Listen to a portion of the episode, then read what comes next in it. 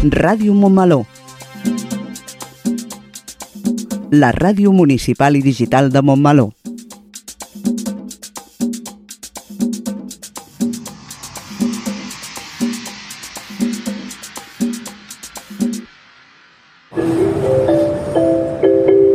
Propera parada, Montmeló.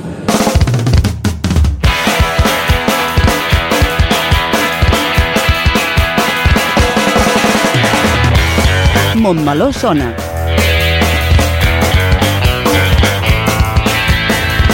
El magazín informatiu de Ràdio Montmeló.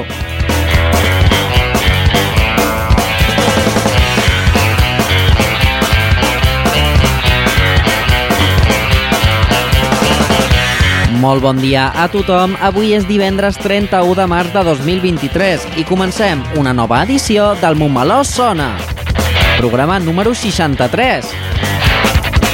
Avui mateix és el Dia Internacional de la Visibilitat Trans, una festivitat fundada per l'activista transgènere Rachel Crandall al 2019, com a reacció a la falta de festivitats per la comunitat trans. Ja existia el Dia Internacional de la Memòria Transgènere, que recorda les persones trans víctimes de delictes d'odi, però no reconeix ni celebra la visibilització de les persones vives del col·lectiu. Per això, en una data com avui, comencem el programa posant de manifest, tal i com és la intenció de la celebració, la importància de la sensibilització en contra de la discriminació de les persones trans arreu del món, per així poder acabar amb la transfòbia. Montmeló Sona és el magazín informatiu setmanal de Ràdio Montmeló, coordinat per l'equip de comunicació de l'Ajuntament. Avui ens acompanya la Maria Costafreda a la secció Toquem el 2 i la Lola Robles al bloc de l'entrevista. I a la locució del programa tenim a l'Olga Coromines i un servidor, el Rubén Cantón. I una vegada fetes les presentacions, passem al sumari de continguts que tenim preparats pel programa d'avui.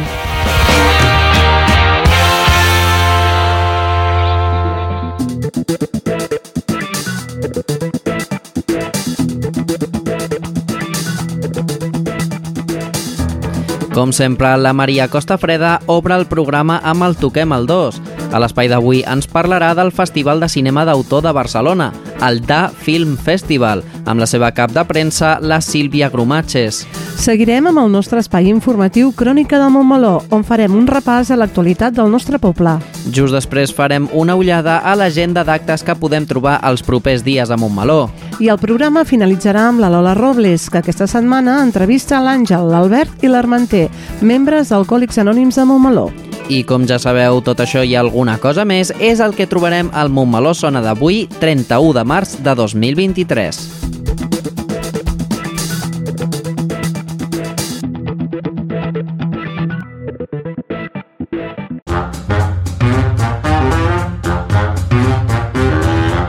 Montmeló sona, el magazín informatiu de Ràdio Montmeló.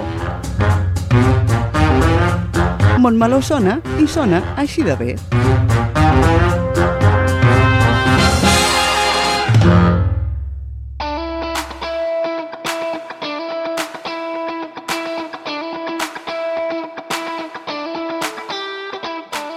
En el Toquem el 2 d'avui volem fer les delícies dels cinèfils. Ens traslladem a Barcelona per gaudir del Da Films Festival Barcelona, festival de cine d'autor de la capital catalana. El Da Films Festival Barcelona és una cita cultural plenament arraigada a la ciutat que presenta un panorama internacional del millor cinema d'autor contemporani, combinat amb el descobriment de nous talents com cinematografies consagrades. Un cinema que després de destacar en els grans festivals recala en un event que celebra la cinefília i posa en primer pla la creativitat, personalitat i llibertat artística dels seus directors i directores. La tretzena edició del DA, Festival de Cinema de Barcelona, se celebra del 23 de març al 2 d'abril en el Centre de Cultura Contemporània de Barcelona, a Ribau Cinemes, Filmoteca de Catalunya i a la Sala Cinseic amb activitats professionals a la seu de l'Esgai de Catalunya. A més, també es celebra el de Films Lab Barcelona destinat a professionals. La venda d'entrades a les mateixes sales de projecció i també a la web www.dafilmfestival.com. Per saber més del DA Film Festival de Barcelona tenim la presència de la Sílvia Cromatges, la cap de premsa i comunicació d'aquest festival. Bon dia, Sílvia. Bon dia Moltes gràcies per atendre la trucada de Ràdio Montmeló. a vosaltres. Eh, D'on va sorgir la idea del DA Films Festival de Barcelona? Uh, aquesta és la tretzena edició, uh, per tant ja fa bastant de temps que va sorgir la idea, però el plan inicial era crear un festival dedicat a l'autoria i al cinema independent contemporani no es eh, definís per temàtiques ni per països ni per eh, grups nínxols, diguéssim, sinó que fos generalista i que recollís el millor de cada any eh, que es fes en aquest, en aquest àmbit, tant internacional com nacional i català. Què ens podem trobar des d'aquest cap de setmana fins a la data de cluenda del festival el proper dia 2 d'abril?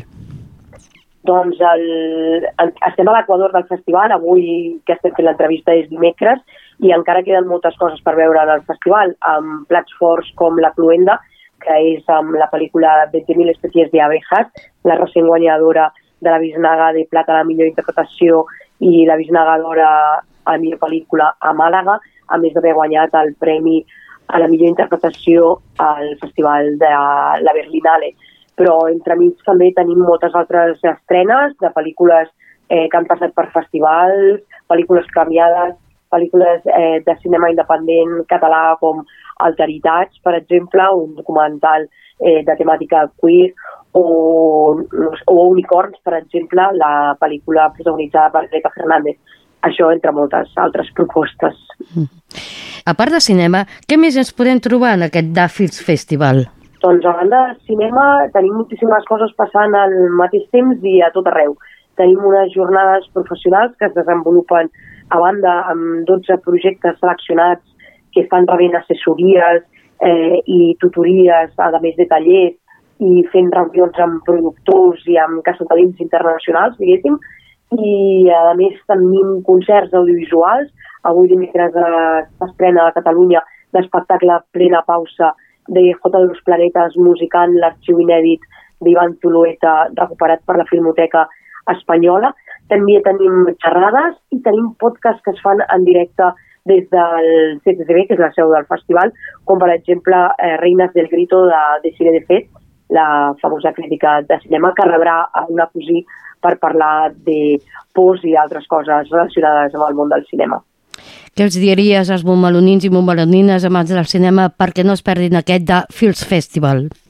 Doncs que agafeu rodalies i vingueu al festival, eviteu portar cotxe, eh, la ciutat eh, no és un bon lloc per circular ni per aparcar, a més el festival intenta ser sostenible i potenciar al màxim eh, els mitjans de comunicació que siguin públics, però acosteu-vos perquè us queden moltes propostes encara per veure. Doncs ens hi aproparem. Eh, Bé, un company de, de ràdio ja precisament el cap de setmana passat es va acostar en el vostre festival i va quedar impressionat. Pues moltíssimes gràcies. Moltíssimes gràcies a tu, Sílvia, per la teva presència a telefònica a Ràdio Montmeló per fer-nos la teva valoració d'aquest TAF Films Festival de Barcelona. moltíssimes gràcies. Gràcies a tu. Amb la Sílvia toquem el dos per avui. Us esperem després de les vacances de Setmana Santa, amb més propostes a fer i gaudir arreu de Catalunya. Bon cap de setmana i molt bona Setmana Santa. Disfruteu!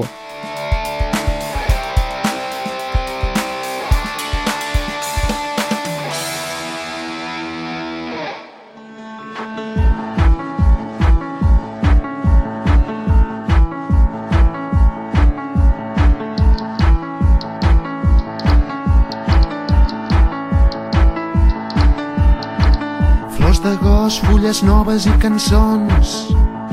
La ciutat és un tresor per mi tot sol. Molts de guiris i pendons amb unes turques de collons. I cerveses del Paquistà, ta, ta, ta, ta, ta, ta, ta, ta. La Rambla és plena de barrets mexicans d'animals lliures i engaviats de souvenirs i de kebabs, de camisetes de Puyol, Gaudí, i ai, ai, quines ganes de jugar. Tot ple de noies i dolors. Quin perfum d'agost.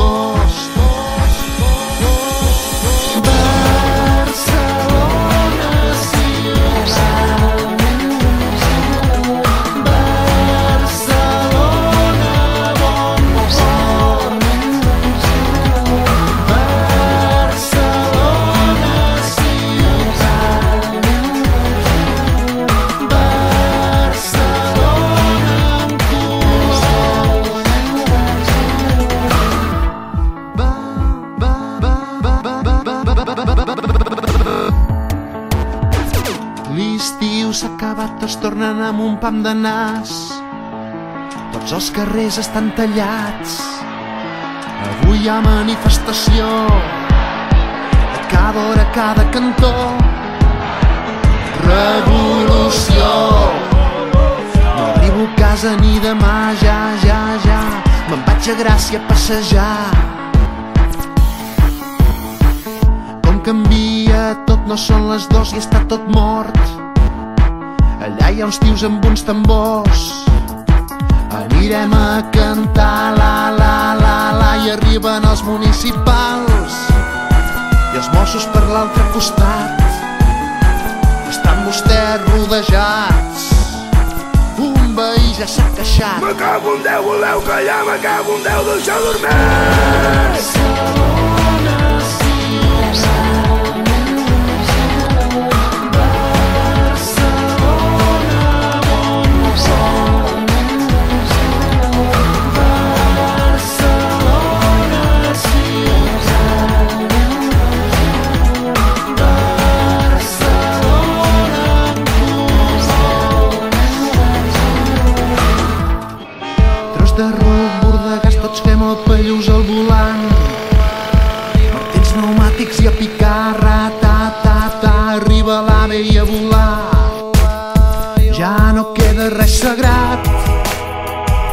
Família ni el descans, sant, sant, sant, sant, sant, sant, sant, sant.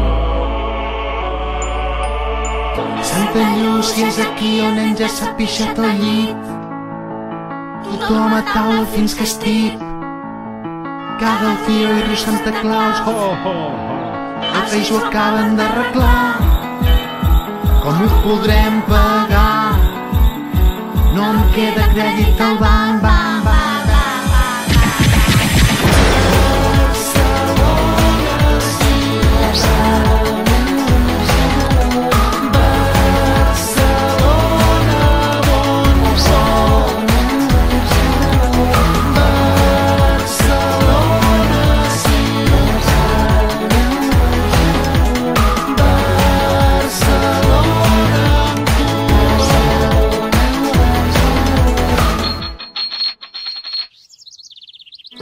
primavera ha arribat, tots estem enamorats. Llancem la roba pel balcó, les dones espectaculars. No pararia d'estimar, les hormones m'estan matant, tant, tant, tant, tant. Aquest temps em porta de cap, cap, cap, cap, cap, cap, cap, cap. Amb la rosa a la mà, un parell de llibres sota el braç, una diada de veritat sense trampa ni cartró, tro, tro amb Buena Fuente i amb Monzó no paren de signar va, va, va, va com se diu, sisplau.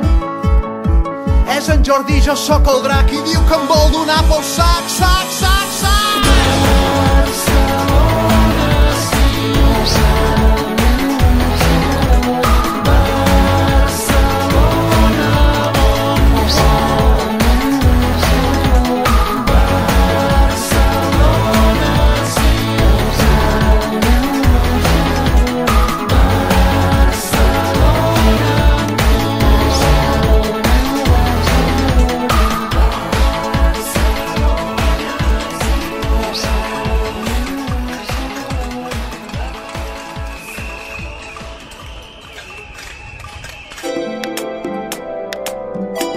gran gent gran.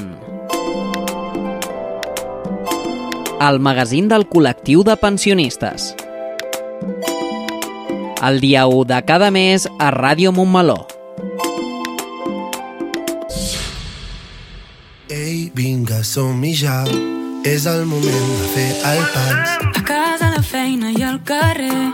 Quan anem de festa o al taller. Parla'm amb el Només hem de començar. Va, provem-ho en català. Tu per mi i jo per tu. I quan vulguis tots plegats.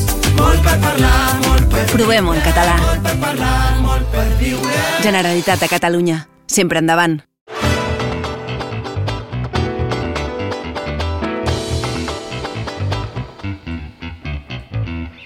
Entrem en el nostre bloc informatiu Crònica de Montmeló i donem pas una vegada més a les notícies locals més destacades d'avui divendres 31 de març de 2023. Aquest és el sumari. Sobre la convocatòria de subvencions per a les entitats esportives. Nou horari de l'Oficina d'Atenció a la Ciutadania i de l'Oficina Local d'Habitatge per vacances de Setmana Santa. Poemes als balcons i a la biblioteca durant el Dia Mundial de la Poesia a Montmeló. Convocatòria de subvencions per al lloguer a persones joves del 23 de març al 5 d'abril de 2023. Ja hi ha projecte de remodelació de la plaça Gran. I tancarem, com sempre, el bloc informatiu amb el repàs de les activitats culturals del municipi pels propers 7 dies.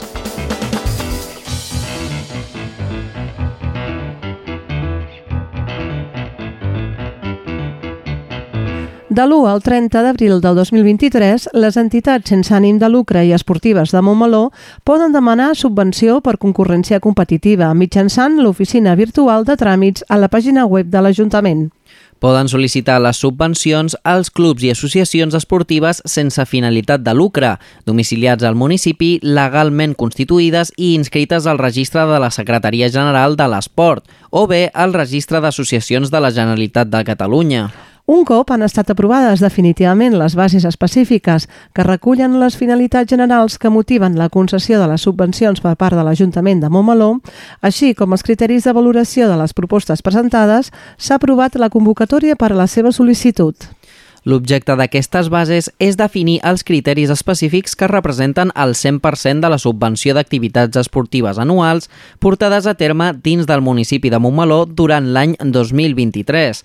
Les activitats subvencionades han de promocionar activitats centrades en l'esport a Montmeló i realitzar activitats puntuals obertes a tota la població que incentivin i reforcin la pràctica esportiva. Coincidint amb les vacances de Setmana Santa i durant dues setmanes, l'horari de l'Oficina d'Atenció a la Ciutadania es modifica i tancarà les tardes de dimarts i dijous. Així doncs, del 3 al 14 d'abril, l'horari d'atenció a la ciutadania serà de 8 a 14 hores. L'oficina local d'habitatge, situada a la mateixa OH, també tanca la tarda de dimarts 4 i dijous 6 i reprendrà el seu horari normal a partir del dia 12 d'abril. Tal com vam parlar a l'emissora, el dia 21 de març Montmeló va commemorar el Dia Mundial de la Poesia. Es va iniciar amb la balconada de poemes des de diferents indrets del municipi i va finalitzar amb la lectura del poema oficial del 2023 en diferents idiomes a la Biblioteca Municipal. Òmnium Cultural va organitzar una original activitat que consistia en recitar poemes des dels diferents balcons de Montmeló. Qualsevol persona podia recitar el seu poema preferit. La plaça de la Vila es va anar omplint a mig matí de gent curiosa quan van sentir els poemes recitats per veïnes i veïns de Montmeló i per algunes persones treballadores de l'Ajuntament. Inclús el mateix alcalde va recitar un poema. Aquest recorregut de la balconada de poemes que s'organitza per primer any a Montmeló es va repetir diferents vegades en altres balcons i indrets del municipi, sempre amb la reacció de sorpresa de la ciutadania que passava pel lloc. Al vespre va ser el torn de l'activitat, que any rere any la Biblioteca La Grua i l'Oficina de Català organitzen la lectura del poema oficial escollit per la Institució de les Lletres Catalanes. Enguany, el poeta escollit ha estat el rector de Vallfogona, Francesc Vicenç Garcia. Aquest poeta del segle XVI va néixer a Saragossa i va morir en terres catalanes. Al llarg de la seva vida fou considerat un clergue que jugava amb les paraules. Irònic, sarcàstic per naturalesa, va fer poemes en to burlesc adreçat a la dama de l'època, a l'enamorat, a qui es pensava ser un gran home i a tothom que l'importunés. La Biblioteca La Grua i l'Oficina de Català van organitzar un any una lectura de poemes a la biblioteca a fi de convidar a llegir el poema de l'any, no només només en català i castellà, sinó també en tantes llengües com coneguessin els usuaris de l'equipament. Així, el poema titulat Tant si abaixes la vista vers la immunda es va sentir també en gallec, anglès, alemany, grec, llatí, esperanto, àrab, francès, wolof, panjabi, urdú, portuguès, rus, ucraïnès i romanès. Han estat 17 lectures d'un mateix poema, tot un repte. Un cop feta la lectura, altres usuaris es van animar a llegir algun poema del seu autor o autora preferit, o bé algun poema creat per l'ocasió. Cal afegir que l'acte va ser encara més emotiu per l'acompanyament del grup de guitarres de l'Escola Municipal de Música que han intervingut en algunes parts de la lectura dels poemes. L'Oficina Comarcal d'Habitatge del Vallès Oriental informa que el 22 de març de 2023 s'ha publicat la resolució TER barra 931 barra 2023 de 17 de març, per la qual s'obre la convocatòria per a la concessió de les subvencions del lloguer jove. La finalitat d'aquest programa d'ajuts és facilitar l'accés i la permanència en un habitatge o habitació en règim de lloguer o de cessió d'ús als sectors de població en risc d'exclusió residencial, a les persones que a data de publicació de la convocatòria tinguin fins a 35 anys o menys. El procediment de concessió d'aquestes subvencions és el de concurrència competitiva, fins a l'esgotament del finançament disponible, és a dir, no es donen per l'ordre d'arribada de les sol·licituds, es valoraran i s'aplicaran les puntuacions dels expedients per a la seva concessió. El termini de presentació s'inicia el 23 de març de 2023 i finalitza el 5 d'abril de 2023. Aquestes subvencions es destinen a les persones físiques que, a més de complir amb els requisits establerts, tinguin 35 anys o menys i siguin titulars d'un contracte de lloguer, habitació o sessió d'ús que constitueixi el seu domicili habitual o permanent en el territori de Catalunya. La quantia màxima de la subvenció és d'un màxim de 250 euros mensuals i un mínim de 20 euros, en funció dels imports de la renda de lloguer i l'esforç per al pagament d'aquest lloguer, amb un límit màxim de 3.000 euros anuals i un un mínim de 240 euros anuals per habitatge. Si hi ha més d'un beneficiari d'aquestes subvencions, en un mateix habitatge, la suma de les subvencions concedides no podrà superar el 75% de l'import mensual de lloguer o del preu de cessió i es minorarà l'ajut en la proporció corresponent. Les sol·licituds s'han de presentar degudament formalitzades i signades per la persona sol·licitant de l'ajut, acompanyades de la documentació requerida.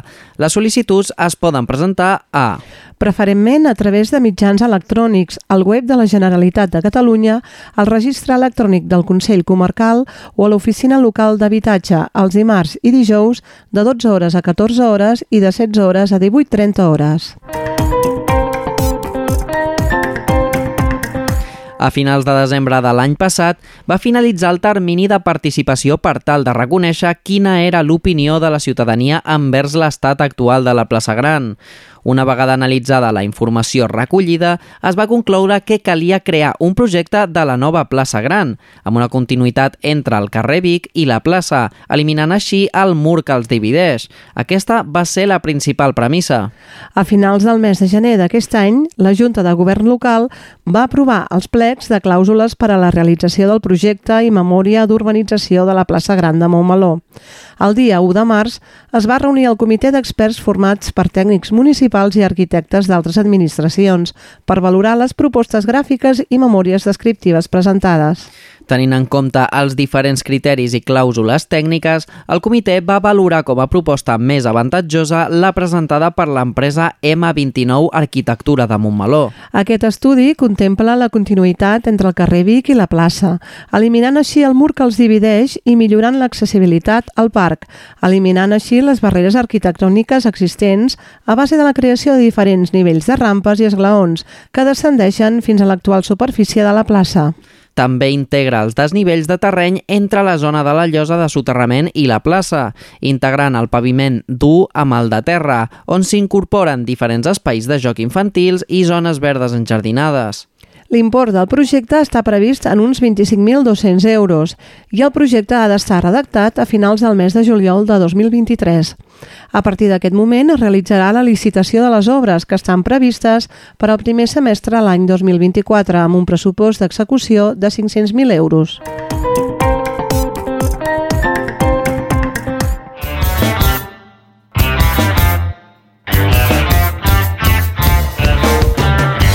Iniciem el bloc de l'agenda d'activitats culturals d'aquest cap de setmana parlant de sardanes, la dansa més vella de totes les danses que es fan i es desfan. I si encara no saps ballar-la, avui és el teu dia per aprendre-hi. Així és, ja que avui divendres 31 de març a dos quarts de set de la tarda, la secció de sardanes de la grupa ens proposa un taller obert de sardanes a la plaça de la Vila. Si vols aprendre a ballar sardanes, si ja en saps però vols refrescar els passos, si no tens clar si recordes com es ballen, vine al taller i posa't a punt per la plec de sardanes que se celebrarà diumenge 16 d'abril a la Torreta. També avui, a les 8 del vespre, serà el torn de les persones amants a la lectura.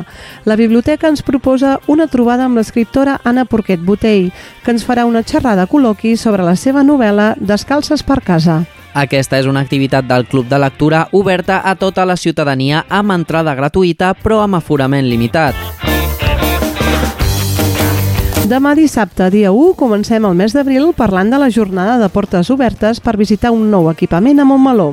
A partir de les 9 del matí i fins a la 1 del migdia, el tanatori obre les seves portes a tota la ciutadania. A dos quarts de 10 del matí, després dels parlaments de les autoritats, s'iniciarà el recorregut per aquest edifici d'una planta de gairebé 400 metres quadrats edificats, per conèixer les dues sales de vetlla i serveis multiconfessionals.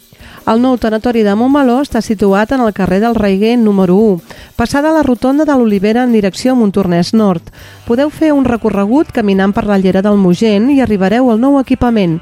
I recordeu, sempre és millor anar de visitant al tanatori que de client.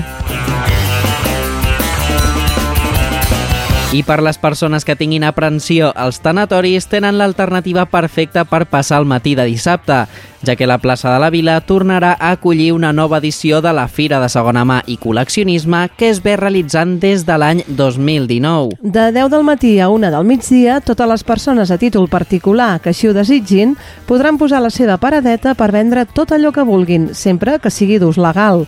Donem una segona vida a les coses que ja no fem servir. I passem a diumenge dia 2, ja que a partir de dos quarts de 10 del matí, el pavelló Montmeló Associació de Rítmica organitza la final comarcal de gimnàstica rítmica del Vallès Oriental. Competicions durant tot el matí en categories individuals i per conjunts, nivell A i B. Com veieu, la rítmica no s'atura a Montmeló.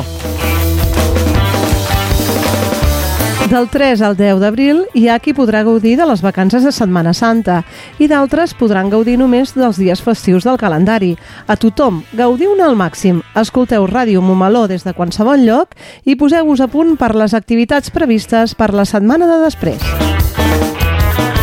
I una vegada finalitzi la Setmana Santa, entrarem de ple en les activitats prèvies a la Diada de Sant Jordi. Per això començarem parlant d'una presentació d'un llibre. Concretament, dimecres 12 d'abril a les 7 de la tarda a la Sala de la Concòrdia, la Jessica Roca ens presentarà la seva darrera novel·la, L'Administrativa. L'administrativa narra, des de l'òptica d'una treballadora d'una multinacional situada al Vallès, l'impacte de la crisi del 2008 en la seva vida i en les del seu entorn més directe, donant una visió molt des de dins del món industrial, així com l'odissea que suposa per a una mare d'infants conjugar la vida familiar amb la laboral. Divendres 14 a dos quarts de set de la tarda, també a la Concòrdia, una nova sessió del Cinema Fòrum organitzat per l'Associació de Dones de Montmeló per la Igualtat, ADMI.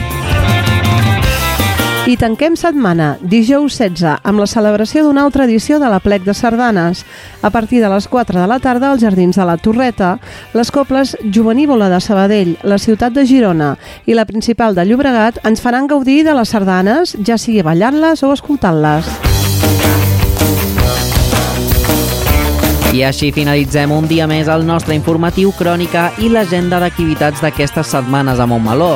Tot això i molt més ho podeu trobar al web municipal i a les diferents xarxes socials de l'Ajuntament.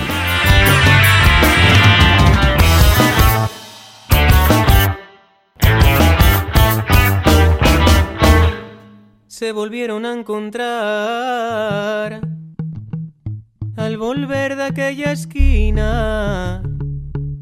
se volvieron a encontrar y como dos criaturas se agarraron a llorar. El amor no tiene cura.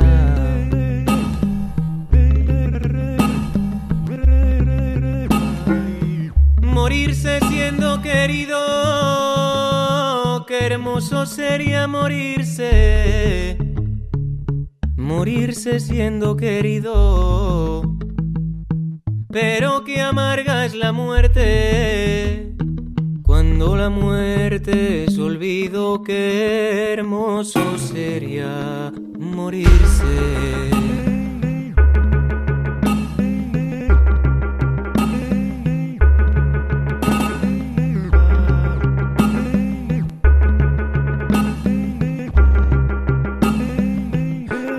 Tiene por qué haber pena si se muere este que canta. No tiene por qué haber pena. Cantenme coplas alegres, no me recen la novena. Si se muere este que canta.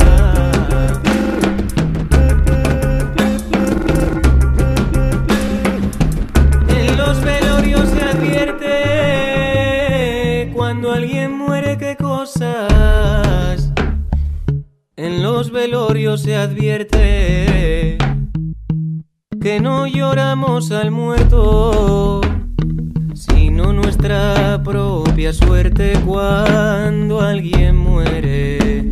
Qué cosas.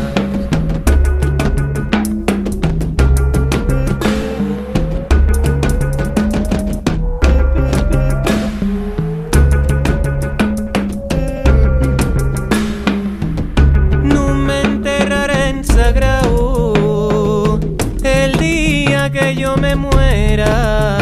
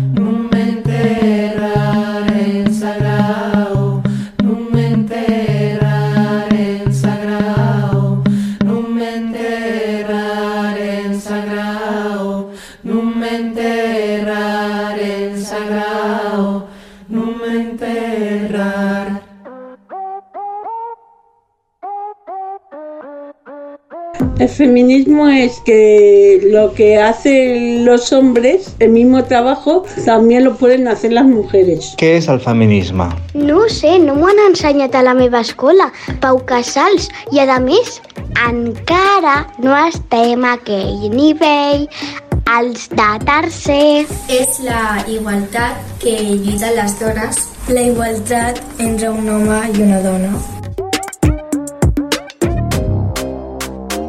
Em considero que sóc una persona feminista i he lluitat ja des de fa molts anys per demostrar que sóc dona i considero que tinc els mateixos drets que els homes. Soy feminista porque eh, hay mucha desigualdad entre el hombre y la mujer y para mí el hombre y la mujer tienen las mismas capacidades. I m'encanta que les noves generacions de joves, siguin noies o nois, es considerin feministes i ho diguin obertament. Això em fa sentir orgullosa del meu poble. Sou feministes? Sí, sí.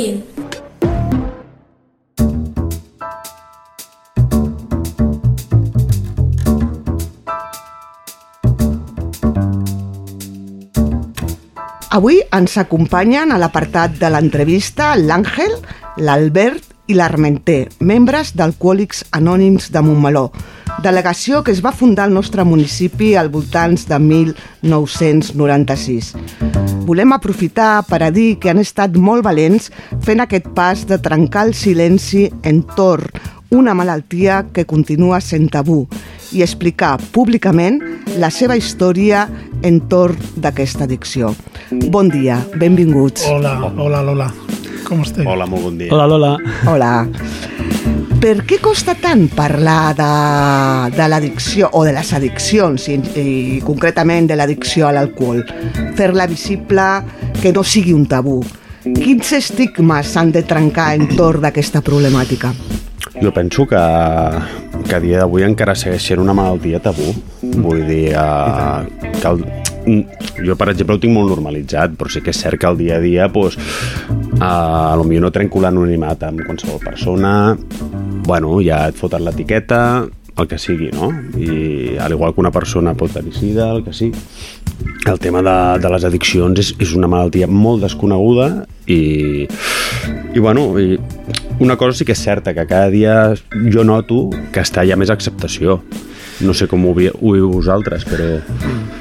Yo me llamo Ángel y soy alcohólico y... Hola Ángel.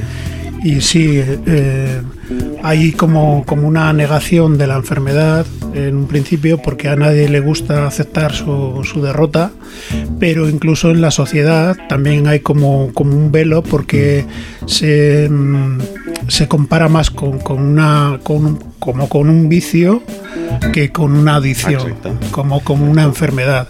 Entonces eh, existe esta, esta barrera que, que la gente eh, la pone, entonces claro, se- se- sigue siendo muy oculta.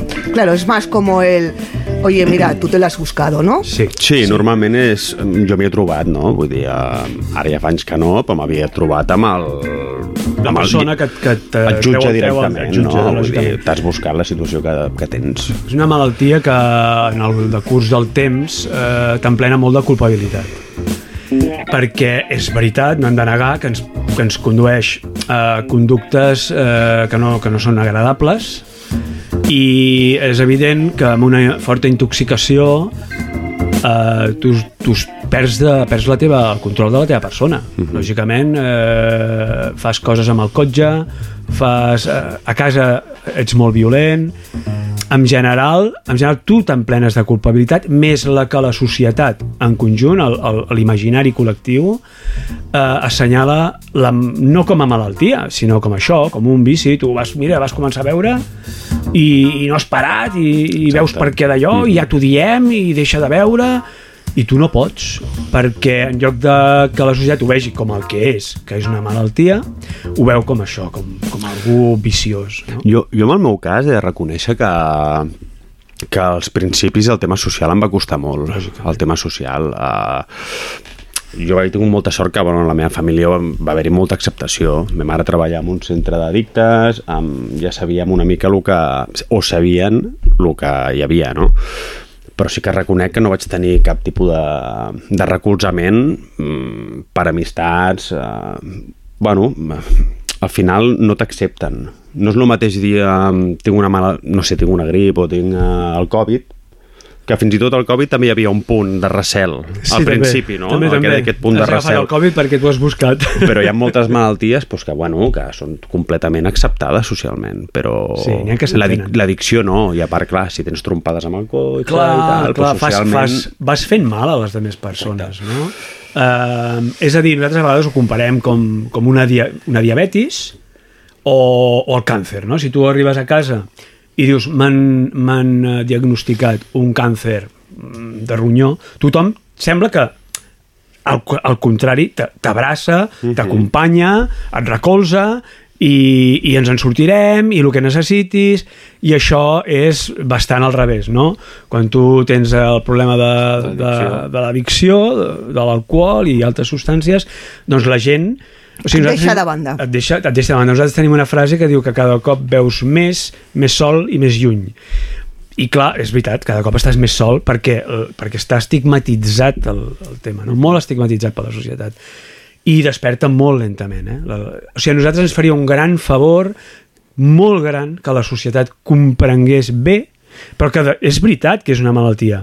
Nosaltres també som bastant, dins de la comunitat, som bastant d'usos dient que fins al moment que no tens la informació del que et passa, no ets culpable però a partir de tenir, de tenir la informació ets responsable. Exacte. Eh? Però abans no.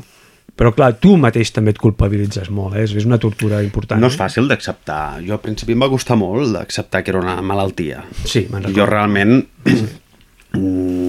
jo creia, no? Com, com la majoria de societat, doncs que, bueno, que, que era un... T'havies buscat. Que m'ho havia buscat, sí, que era un viciós, que era, bueno, que m'havia buscat la situació que tenia, no?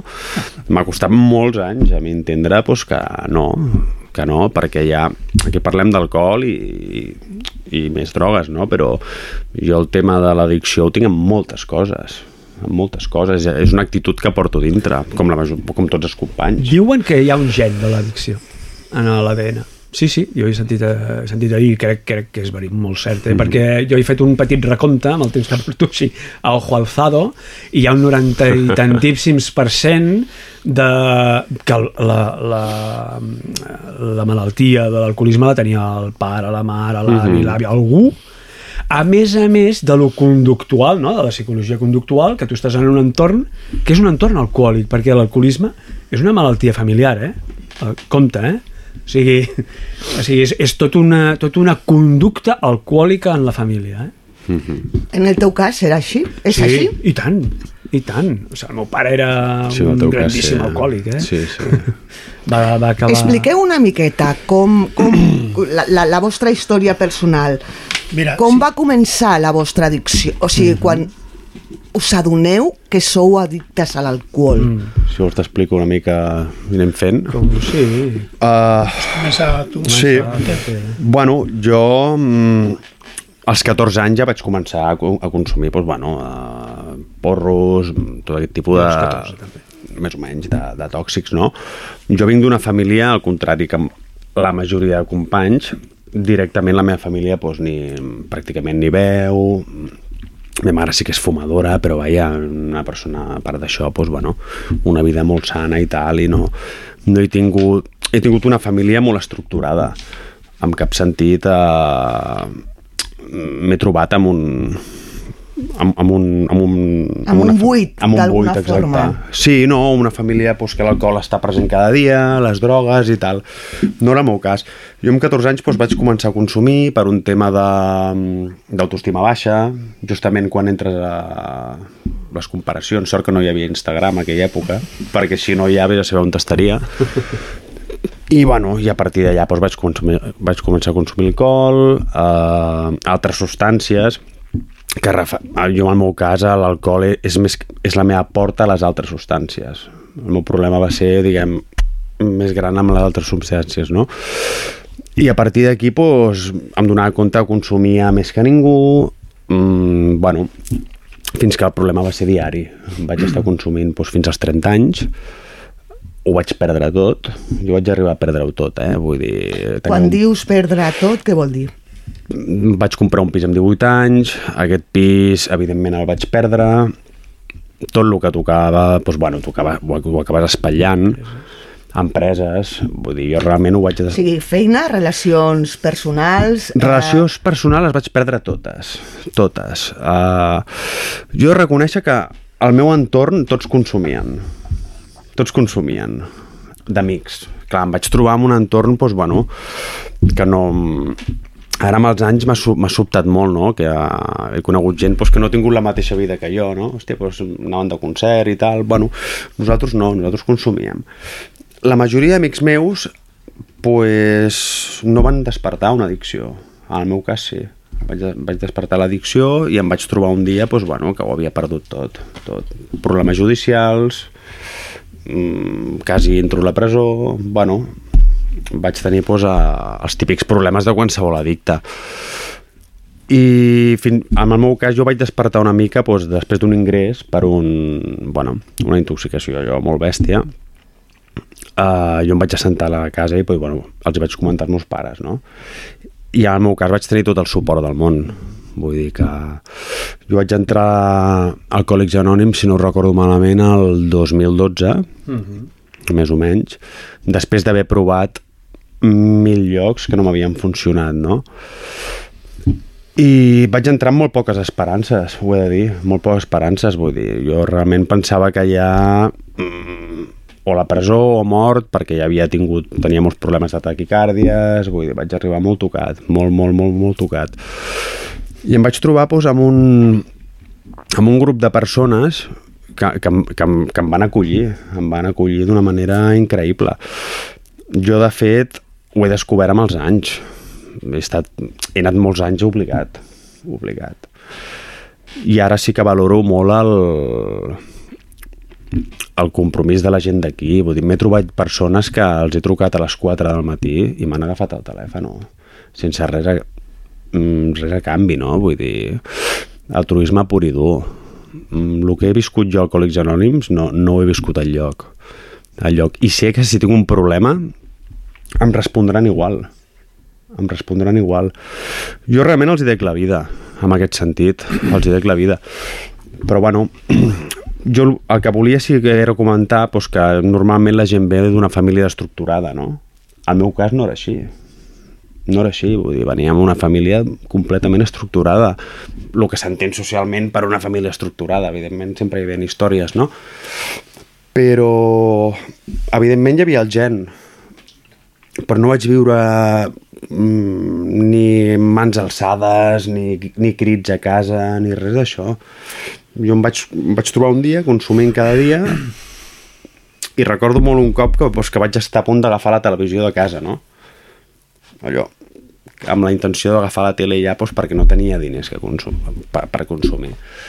I en aquell moment, doncs sí, bueno, allò, sortir de l'ingrés, la televisió, doncs allò, sentar la família a dir-los ja ho sabien, evidentment. Però clar, si un no vol deixar-ho, doncs poca cosa hi ha que fer. Jo estic molt agraït, sobretot, a, a la família. I el que volia així puntualitzar és que per mi el, l'única cosa o el que ajuda molt a superar una addicció sobretot és l'amor. L'amor dels companys i en el meu cas el familiar que per desgràcia no tots els companys tenen aquesta sort. És la nostra medicina per excel·lència. Bueno, jo em dic Albert i sóc alcohòlic. I la meva carrera doncs eh, al igual que, que l'Hermantí jo també vaig començar. Jo a les festes del meu poble vaig començar molt, molt fort. Allà era un, era un, uns rius d'alcohol que, que corrien per allà. Me'n recordo les barres aquelles amb, amb tiradors de cervesa ja passaven per aquells tiradors. Passaven per allà 300 vegades cada nit. Jo me'n recordo amb, amb, amb 17 o 18 anys és un flash així que tinc que eren les 9 del matí i jo corria sol pel carrer. Mm, hi havia aquelles les discopenyes al meu poble. Soc, bueno, estiuejava en un poblet ancestral meu de, de la part de, de la franja de Ponent i, i res, jo anava sol pel carrer buscant més alcohol amb 17 o 18 anys, no? I em va, un xicot que ell es devia aixecar en aquell moment, o, o, o, o el que sigui, em va mirar i em diu, escolta'm, el dia que tinguis la meva edat estaràs mort. I, i, i l'alcoholisme eh, és, una, és una malaltia que és progressiva, degenerativa i letal. I això és una frase també que tenim nosaltres, i és així. L'altre dia ho vaig llegir en, un, en una cosa, en un informe mèdic no? del, sobre l'alcoholisme, no? que és, és, és, és, és molt greu, no? És la, la degeneració mental de l'alcoholisme és molt greu, no? I, I quan pares el tòxic el que fas és parar la, la, la progressió d'aquesta malaltia. Vull dir que la importància d'aturar la, la ingesta no? de, dels tòxics. I, i després jo també amb 17 o 18 anys vaig començar amb altres, amb altres tòxics, jo, jo podem dir el nom, és cocaïna i coses d'aquestes, per què no dir-ho, no? Però està, està aquí, sortim aquí fora i en una estona en aconseguim, o sigui que siguem clars.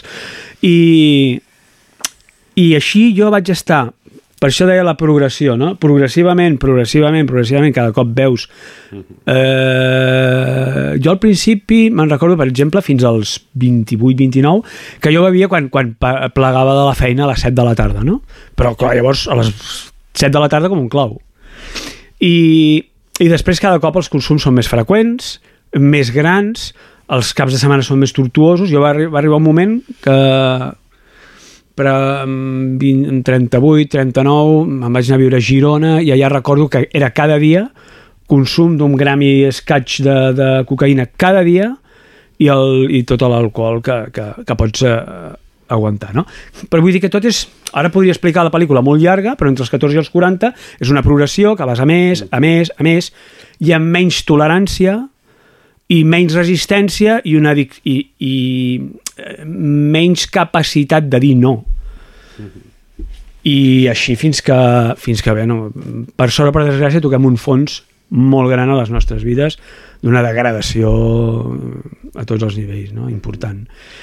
I així és com, com més o menys, així, vull, vull, dir, vull anar ràpid perquè si tinc explicat 20 i tants, 30 anys de, de, de vida, és, però no, us ho podeu imaginar, no? És un rodillo que es Anirem va fent. entrant. Correcte. Ángel.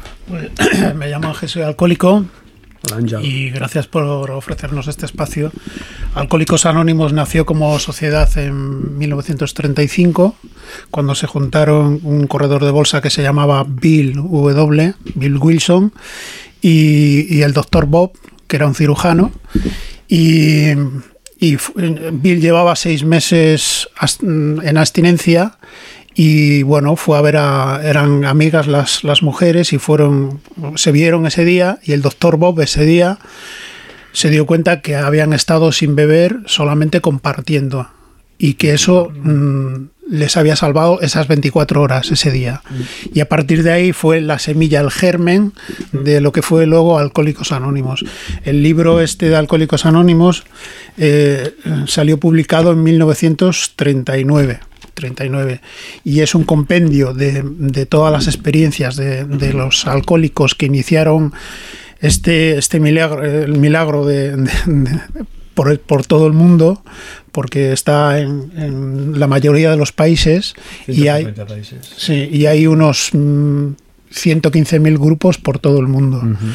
Entonces, eh, ese fue el germen en la, loca- lo- la localidad de, de Akron y a partir de ahí se fue extendiendo. Entonces, eh, bueno, esto es como un preámbulo para decirte cómo, cómo con- nació. Contextualitzar una Sí. miqueta. Y en cuanto a mi experiencia, pues como, como, como miembro de Alcohólicos Anónimos, yo también toqué fondo muy eh, un fondo muy duro porque era mucho eh, tema psiquiátrico, tema mental. Y bueno, estuve en psiquiátricos, bueno, en- en- en- con un psiquiatra que me medicaba, no, que no quería medicarme porque sabía lo que implicaba todo aquello. Pero em, en aquel momento eh, yo vengo de una familia, como decía realmente la mía es desestructurada totalmente. Era eh, nací en un pueblo minero. Allí la mayoría de la gente bebe, be- y bebe mucho.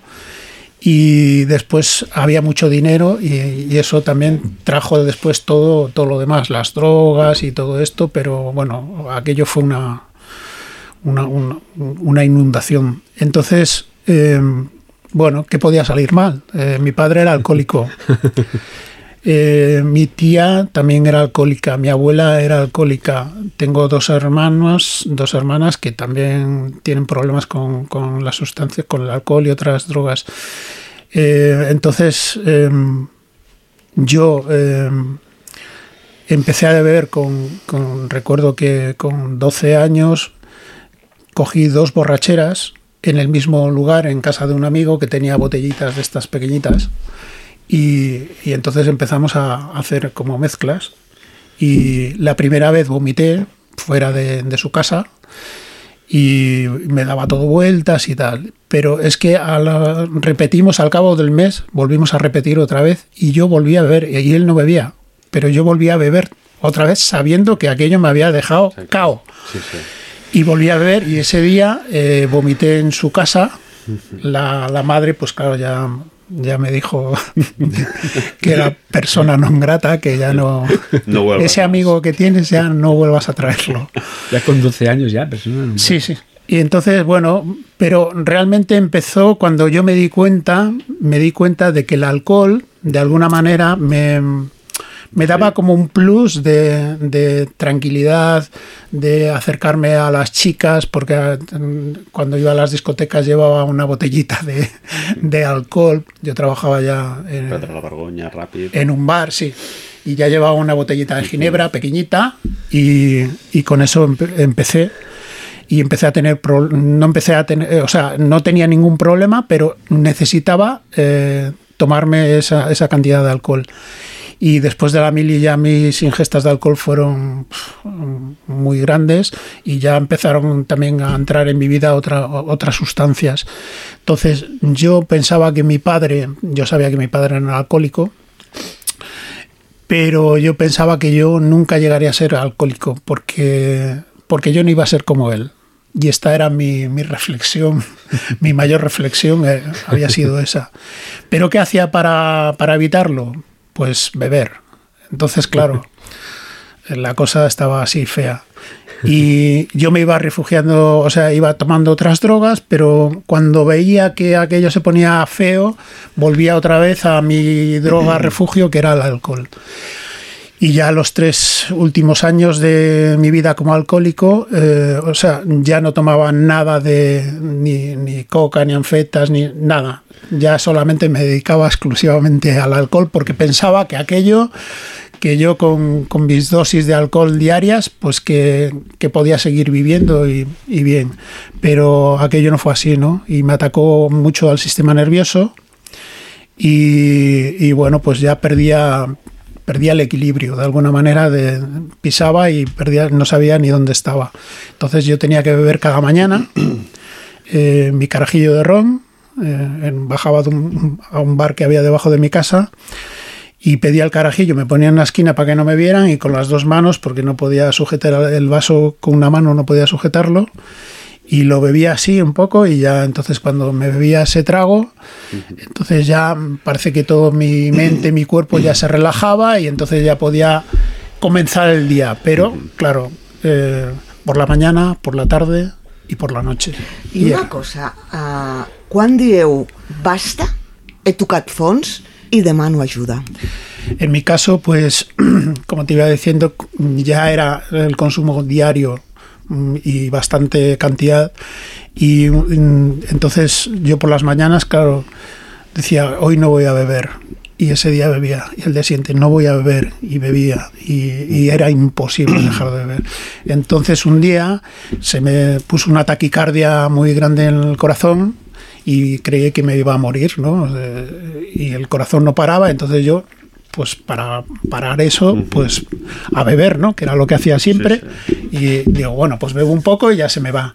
Pero ya no se me fue. Ya sí, estuve toda la mañana con esas palpitaciones, estaba trabajando en el restaurante y cuando nos sentamos a comer, eh, yo no podía coger ni un vaso.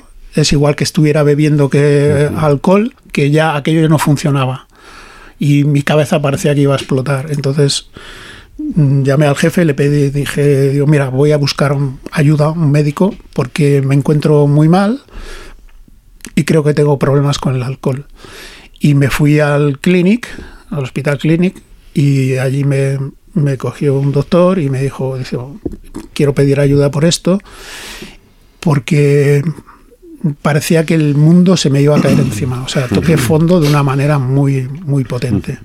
Entonces estuve un año en el clínico eh, haciendo el programa del CAS y me fue muy bien. La verdad es que para, para parar de beber a mí me, funcionó muy bien, pero después eh, volví a recaer. Y, y no conseguía hasta que entré en Alcohólicos Anónimos y me pasó pues como yo creo que a muchos compañeros que llegamos allí y el recibimiento de los compañeros que te acompañan, que te dan la mano, que te dicen esto no te preocupes, que esto es una enfermedad, que no eres no eres un cabrón, no eres un, una mala persona, simplemente tienes una adicción muy grave y no sabes manejarla. Entonces eh, ellos me acompañaron, me dijeron que había grupos cada día y hay grupos en Barcelona, en la provincia de Barcelona, cada día eh, por las matinales, nocturnos, y entonces pues yo me agarré a, a esto, a, a, Alcohólicos Anónimos, y entonces iba cada día, cada día iba a una reunión de Alcohólicos Anónimos y descubrí que podía estar sin beber por primera vez en mi vida, descubrí que podía estar sin beber 24 horas, pero que además tenía como una fe en que, en que esta vez sí que iba a funcionar, porque tenía compañeros al lado pues que llevaban 10 años, 5 años, sí, 3 sí. años, 6 meses. eh, Totalmente de acuerdo. Y esas personas a mí me dieron la confianza porque yo estaba en un pozo muy profundo y fue y vino un compañero, me dio la mano y me dijo, yo sé cómo se sale de ahí, no te preocupes y estás en, en Alcohólicos Anónimos y desde entonces pues eh, llevo 30 años en la comunidad sin, sin, consumir. Tuve una recaída al principio de, que llevaba dos meses porque las recaídas también son bastante comunes en, en nosotros, eh, sobre todo al principio, porque es muy duro dejar el tóxico y enfrentarte a la vida, que es lo que más nos cuesta cuando nos enfrentamos a- al día a día, es cuando decimos, ostras, claro, por eso yo bebía, porque yo los problemas no sabía solucionarlos y entonces bebía para, para escapar. Era una era escape. Sí. El moment de demanar, de demanar ajuda és un moment molt, molt complicat, molt complicat. Mm, jo tenia dues opcions, o demanar ajuda a casa perquè tenia la, la confiança necessària com per... En cap moment em van tirar res encara, al contrari, o sigui, o suïcidar-me. Tal qual. O sigui, jo... El, la meva vida era un caos, era un caos. Ja no dormia, no dormia mai, era, bueno, pa paranoic, només pensava en el consum, era... Realment em vaig trobar al punt, o el suïcidi, mm. o que no tinc valor, perquè clar, jo em trobava que dic, si em suïcido ja no tinc cap oportunitat, allà s'acaba tot. Igual, igual. I llavors dic, bueno, doncs provarem això. I bueno, jo ho vaig provar, jo ho vaig provar, i jo vaig entrar sense cap tipus d'esperança, eh? perquè ja venia del cas, venia del metge de capçalera, i, i no hi havia manera. En el meu cas no hi havia, no hi havia manera. Però ja et dic, el moment de demanar ajuda és... mm, Jo penso que has, has, has d'estar molt tocat, molt tocat, perquè si no has tocat fons és molt difícil fer un canvi d'actitud com per, com per deixar els tòxics. Mm, clar, deixar un tòxic suposa pues, mm, en el meu, en el meu cas, i m'imagino que amb tots els companys, jo tenia somnis de consum do, els primers dos, tres, quatre anys, avui en dia encara en tinc algun, de somni que somio que consumeixo, uh, no pots dormir, no descanses, mm, suors, bueno, és, és terrible, és terrible. I jo ara, doncs, bueno, estic aprenent a viure, a viure, ara puc explicar una anècdota molt, bueno, que ja la saben i tal, no? Però jo diguem que sóc el que porta més a, menys anys i el simple fet de, de conèixer un, de, o deixar-ho amb una parella o tot això, doncs clar, són unes gestions emocionals Mhm. que jo les tindria d'haver fet amb 14 anys, 18, 20, 25, no? Aprendre aquestes coses. Jo ho estic aprenent ara. Estic aprenent ara, vaig frenar la meva etapa de, de creixement o de maduresa, d'aprendre certes coses, el que són emocions i de, bueno, i ara estic aprenent doncs, moltes coses, estic aprenent moltes coses. Algunes a dia d'avui encara penso, hòstia, um, fa un, certa vergonya, no?, que encara no, no ho sé gestionar potser al tot bé, però bueno, ara ja arriba un punt doncs, que sé, sé on estic i, i aprenc de tot el que em va passant al dia a dia. Però ja et dic, en el meu cas, mm, el tema emocional mm, clar, és que no, no sabia ni com gestionar-lo, ni com gestionar-lo. I em trobava un... Jo tinc una germana 10 anys més jove que jo i ja, ja n'havia après feia anys, no? I dic, hòstia... Clar, em vaig quedar amb 14 anys, jo. Em vaig quedar amb 14 anys a molts nivells. Lo bo que dic, per si algú ens escolta, que això realment es pot revertir. Es es recupera, molt Recupera, ràpid. no sé, però- No, a, la creixença la fas molt ràpida. Mm. Diem que no, no necessites eh, els, els mateixos anys de consum per recuperar la maduresa aquesta, sinó que la maduresa, si un vol... Amb un, amb un programa com el d'Alcohòlics Anònims darrere. Exacte, És exacte. Una gran eina. Exacte. I, I què penseu que us heu perdut pel camí durant tot aquest Uf. temps que heu estat consumint? Tot. Ai, La vi- la vida. La vida. La vida. La vida. L'amor. Tot. Tot. Jo, jo penso que ens hem perdut la vida. Tot. Bueno, nosotros podríamos estar un día, dos días detrás de, de, un, de un camello que no encontrábamos además Pues, y perder todo el día. 15 anys o Eh, 20.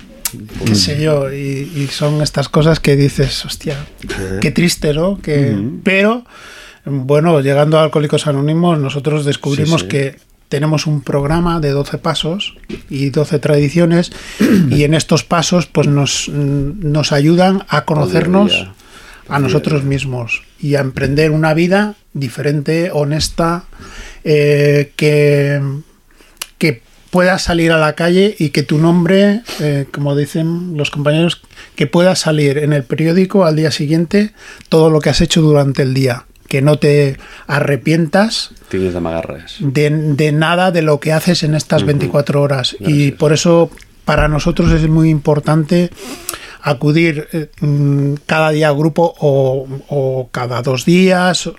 Cada uno encuentra su... Al principio es muy importante cada día, pero si no, pues cada, el tiempo que se pueda. Y estar en contacto porque para a nosotros nos, nos, nos jugamos la vida. Tanmateix, mm, dius tot el que hem, tot el que hem perdut, no? Bueno, eh, com nosaltres tenim un, un programa de vida espiritual, i en l'espiritualitat nosaltres diem que en l'economia de Déu no es perd res. L'economia de Déu no es perd res, perquè nosaltres, la nostra vida es converteix en una enciclopèdia. La nostra experiència, tota, si tu tens aquesta bona voluntat que ens demana el programa, tot el que em sembla que hem perdut és, uh, és una experiència que servirà és com una màquina de moltíssimes tonelades que fa un foradet de 2 mil·límetres. Tota la potència del que- d'això que hem perdut es transformarà en un amor i una experiència per a la persona que arriba. Per donar-li, eh, de cop, li regales tota la teva experiència. Perquè aquesta persona cregui el que pot, amb el que ha de fer i el que pot fer. I una cosa, la lluita contra l'alcohol, encara que ara no preneu, m'imagino que és una mica... No, no ho sé, eh? Mm-hmm. eh és diària? perquè ho dic en el sentit de que l'alcohol eh, eh, està... Bueno, és, tu, tu surts mm. i Mm. està... Com és, és com molt social, no? Vull dir, que ho tens, està normalitzat, que ho tens a l'abast, que si dius Mm. vaig al restaurant a, no sé, Sí. a dinar o a sopar, doncs ho tens allà. No. Com, com us manegueu en aquestes vida, situacions? vida, vida normal, eh? Jo penso No, que... no, no hi ha cap, no hi ha cap problema. Inclús, eh, inclús arriba un dia que jo ara gaudeixo veient la gent que pot veure, no?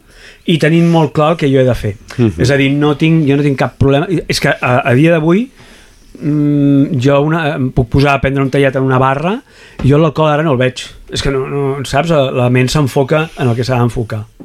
Jo, particularment, eh? En, arriba un dia que, que et desconnectes absolutament de, de la substància.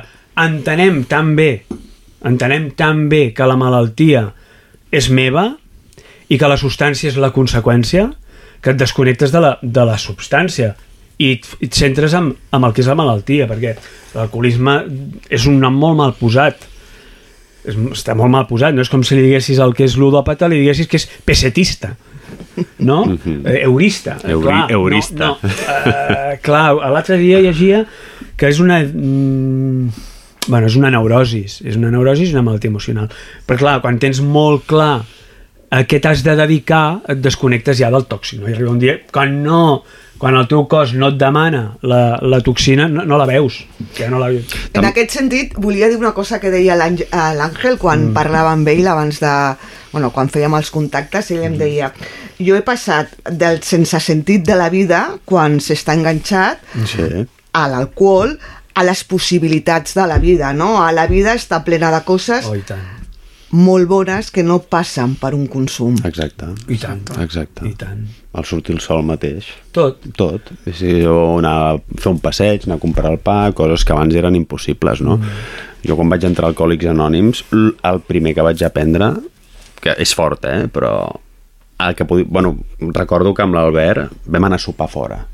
Hòstia, mm, per mi això era algo impensable, no? Jo, tenia, jo havia d'anar carregat jo, jo no podia anar a sopar fora. Si no portava, doncs... clar, Les teves dosis. Clar, per tant, no anava mai a sopar fora. I, i és el primer dir, hòstia, hi ha vida, no?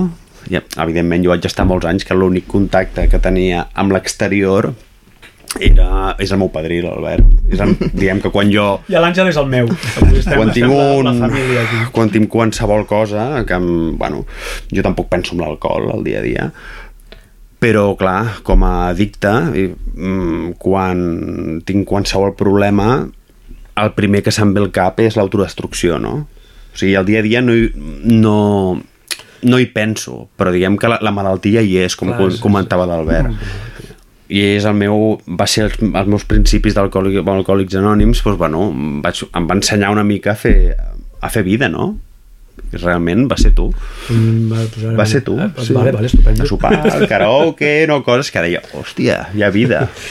I una cosa, us heu perdonat a vosaltres mateixos? Uf, uf, uf. Això costa, però... aquesta és, aquesta és la, la, una de les parts Ells, més ells difícils. m'imagino que sí. I, no, vosaltres? I sí, sí. Vosaltres de- sí, no? de- Sí, sí. Jo estic en Quasi tot. Sempre, sempre tens alguna... Nosaltres tenim precisament un dels passos és, és eh, estar per perdonar-te, no? Per exposar, per posar sobre la taula tota la teva, mm. posem entre cometes, la teva porqueria, tot allò que és... Motxilla de pedres. Però, però vas revertint situacions, no? És a dir, aquelles persones, en el meu cas, la persona que vaig mm, torturar més o va patir més el meu alcoholisme és la meva mare. Jo he revertit amb escreix aquesta situació. És a dir, la, el revers de la malaltia és preciós. El revers de la malaltia és preciós. Això que deies tu de... Sí, exacte. Tu de, de... Bueno, i el que has perdut. És que tenim, nosaltres, vulguis que no, mm, tenim un avantatge sobre... Bueno, nosaltres els, els no alcohòlics els diem els civils, amb, amb conya. eh? tenim un avantatge sobre els civils. Que nosaltres hem estat a l'infern. Per tant, sabem el que és el cel. No? Diu que Alcohòlics Anònims no, no t'obre les portes del cel, però, però treu de l'infern. Aleshores tu, a partir del segon pas, pots anar obrint les portetes del cel. Que, I nosaltres el, el podem veure, el cel. Mm -hmm. Perquè el cel està aquí i ara, i l'infern està aquí i ara, els grans gurus espirituals ho diuen, no? Però com que tenim en un cantó de la balança què és l'infern i ho sabem, a l'altre cantó de la balança podem gaudir de que estem al cel. És ta, I és tan senzill com que cada dia fem les coses correctes i te'n vais a dormir en pau, no? És així de senzill el cel. Perdó és... El perdó, sí. És una, que deies és una feina complicada. És una feinada. Jo, jo amb els anys que porto. Bueno, no porto els anys que porten ells, però difícil, porto uns quants i i el perdó és complicat.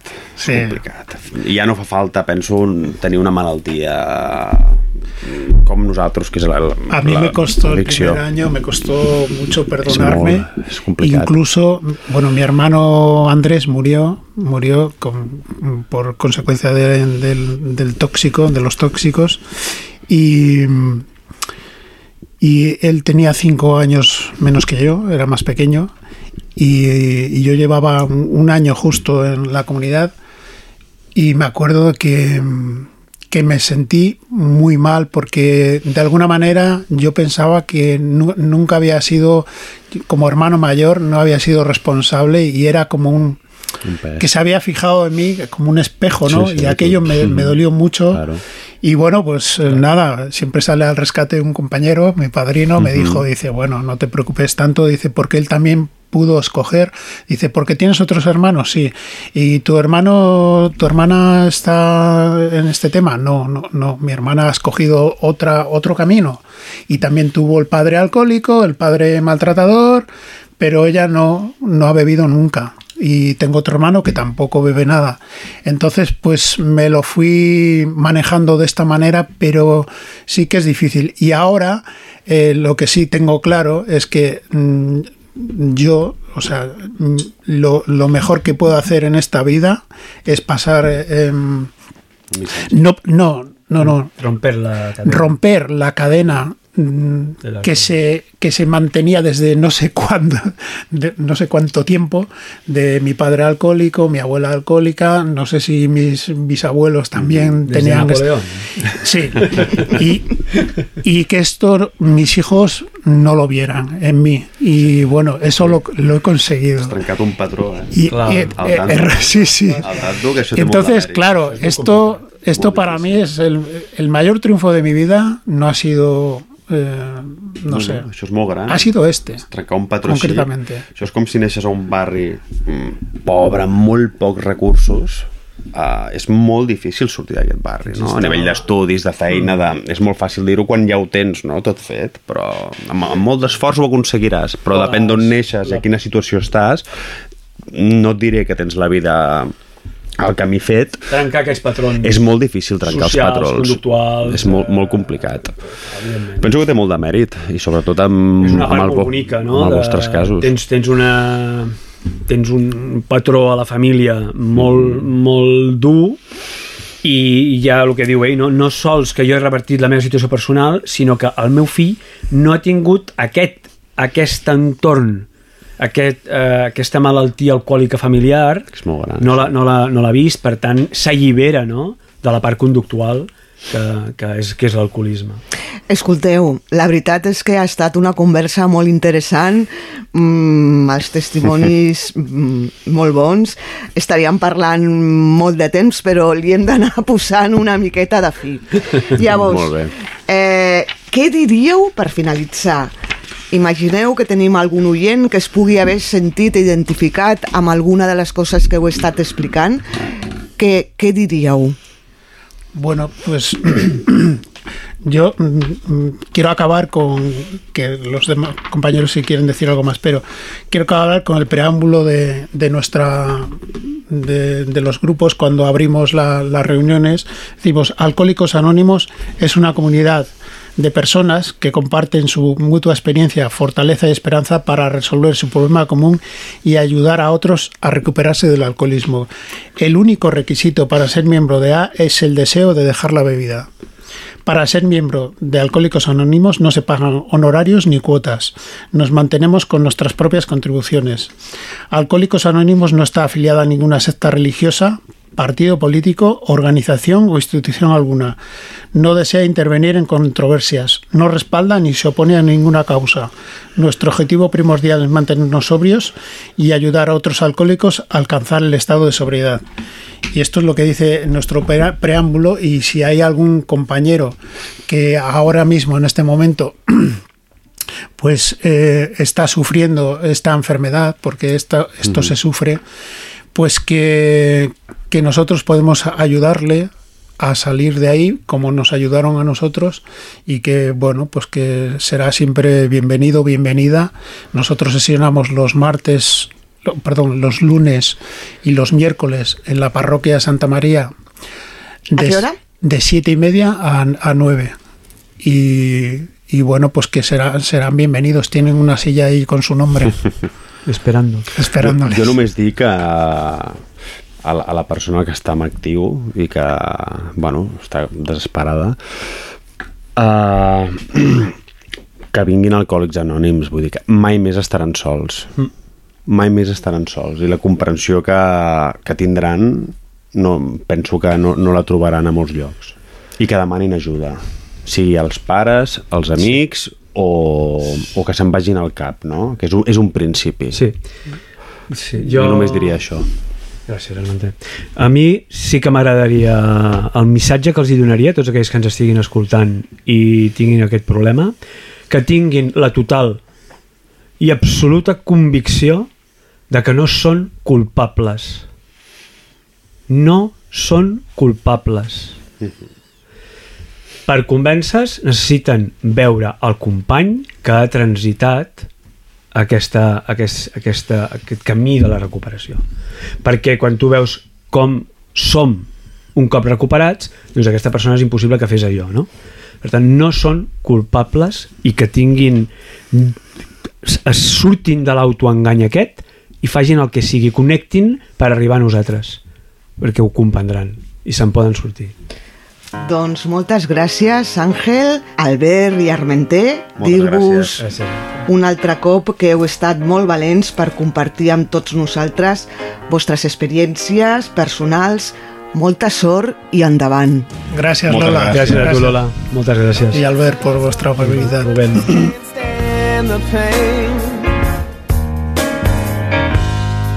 Girl, I'm leaving you tomorrow. Seems to me, girl, you know I've done all I can. You see a big store and a borrow.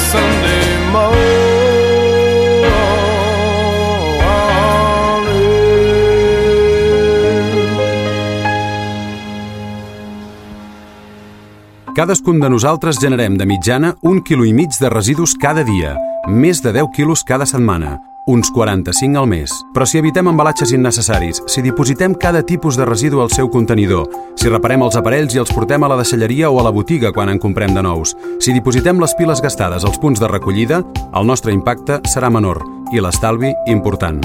Els nostres residus, la nostra responsabilitat. Generalitat de Catalunya. Amb la col·laboració i el finançament dels sistemes integrats de gestió de residus. El primer diumenge de cada mes, acompanya'ns a Ràdio Montmeló a prendre un vermut amb Alex Atanes, Bruno Cáceres i un convidat nou cada programa. Un vermut con. El primer diumenge de cada mes a Ràdio Montmeló.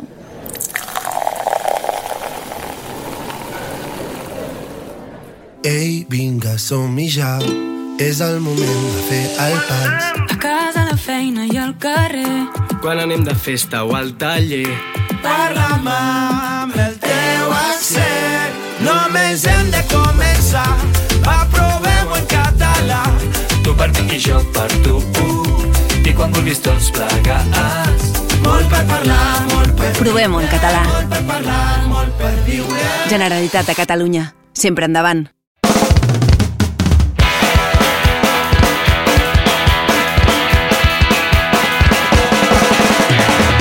I ja arribem al final del programa, però abans repassem tots els programes que podeu sentir a la nostra emissora durant la setmana. Demà dissabte, 1 d'abril a les 12 hores, inaugurem més amb una nova edició de Gran Gent Gran. En aquesta ocasió, el col·lectiu de pensionistes de Montmeló ens parlaran de polítiques municipals per a la gent gran. Diumenge 2 és el primer diumenge de mes, així que toca fer el vermut amb l'Àlex Atanes i el Bruno Cáceres. No us perdeu el programa d'abril de Un Vermut Con a les 12 del migdia. Dilluns 3 a les 12 podreu sentir al nostre web Patrimon el programa sobre el patrimoni cultural del nostre poble, conduït pel Pol Castejón i la Maria Antònia Carrasco. Al programa d'abril ens parlaran del mons observants, acompanyats de l'Ester Rodrigo, directora de les seves excavacions. Dimecres 5 a les 12 hores tenim un nou Micro i Acció, el programa de cinema conduït per l'Aitor Guerra. El proper programa ens parlarà de publicitat, un tema molt important en l'audiovisual i del que no es parla gairebé mai. I fins aquí la programació de la setmana vinent, perquè a Ràdio Montmeló estarem de vacances de Setmana Santa. Per tant, no hi haurà fora de joc ni Montmeló sona. Però no us preocupeu, que tornarem de les vacances amb més força. I amb tot això en marxem, però com ja és costum, us volem recordar que podeu contactar directament amb l'emissora si teniu qualsevol idea, suggeriment o opinió mitjançant el nostre correu radiomo.montmeló.cat o a través del telèfon i WhatsApp 637 150 702. Molt bon cap de setmana i passeu una bona Setmana Santa. I ja sabeu que la setmana vinent estem de vacances, però no us preocupeu perquè Montmeló tornarà a sonar divendres 14 d'abril de 2023 a les 12 del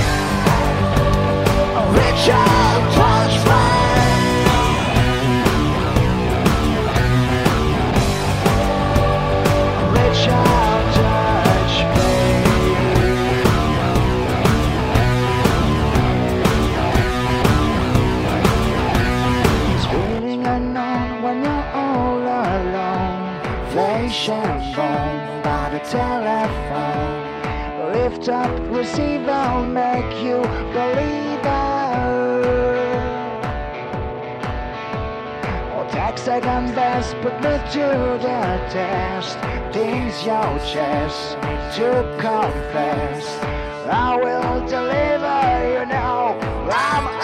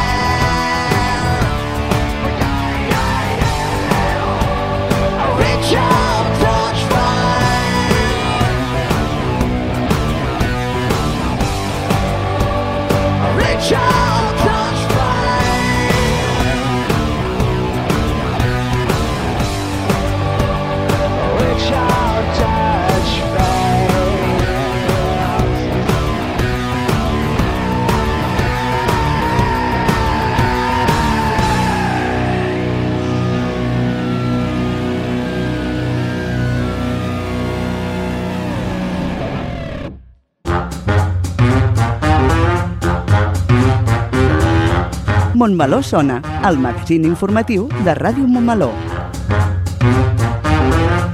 Montmeló sona i sona així de bé.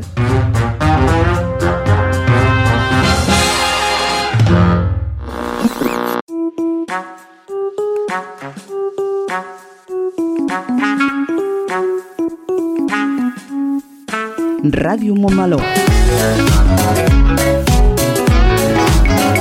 Sintonitza'ns al web radiomontmeló.cat i a través de les xarxes d'Instagram, Facebook i Twitter. Ràdio Montmeló, la ràdio municipal i digital de Montmeló.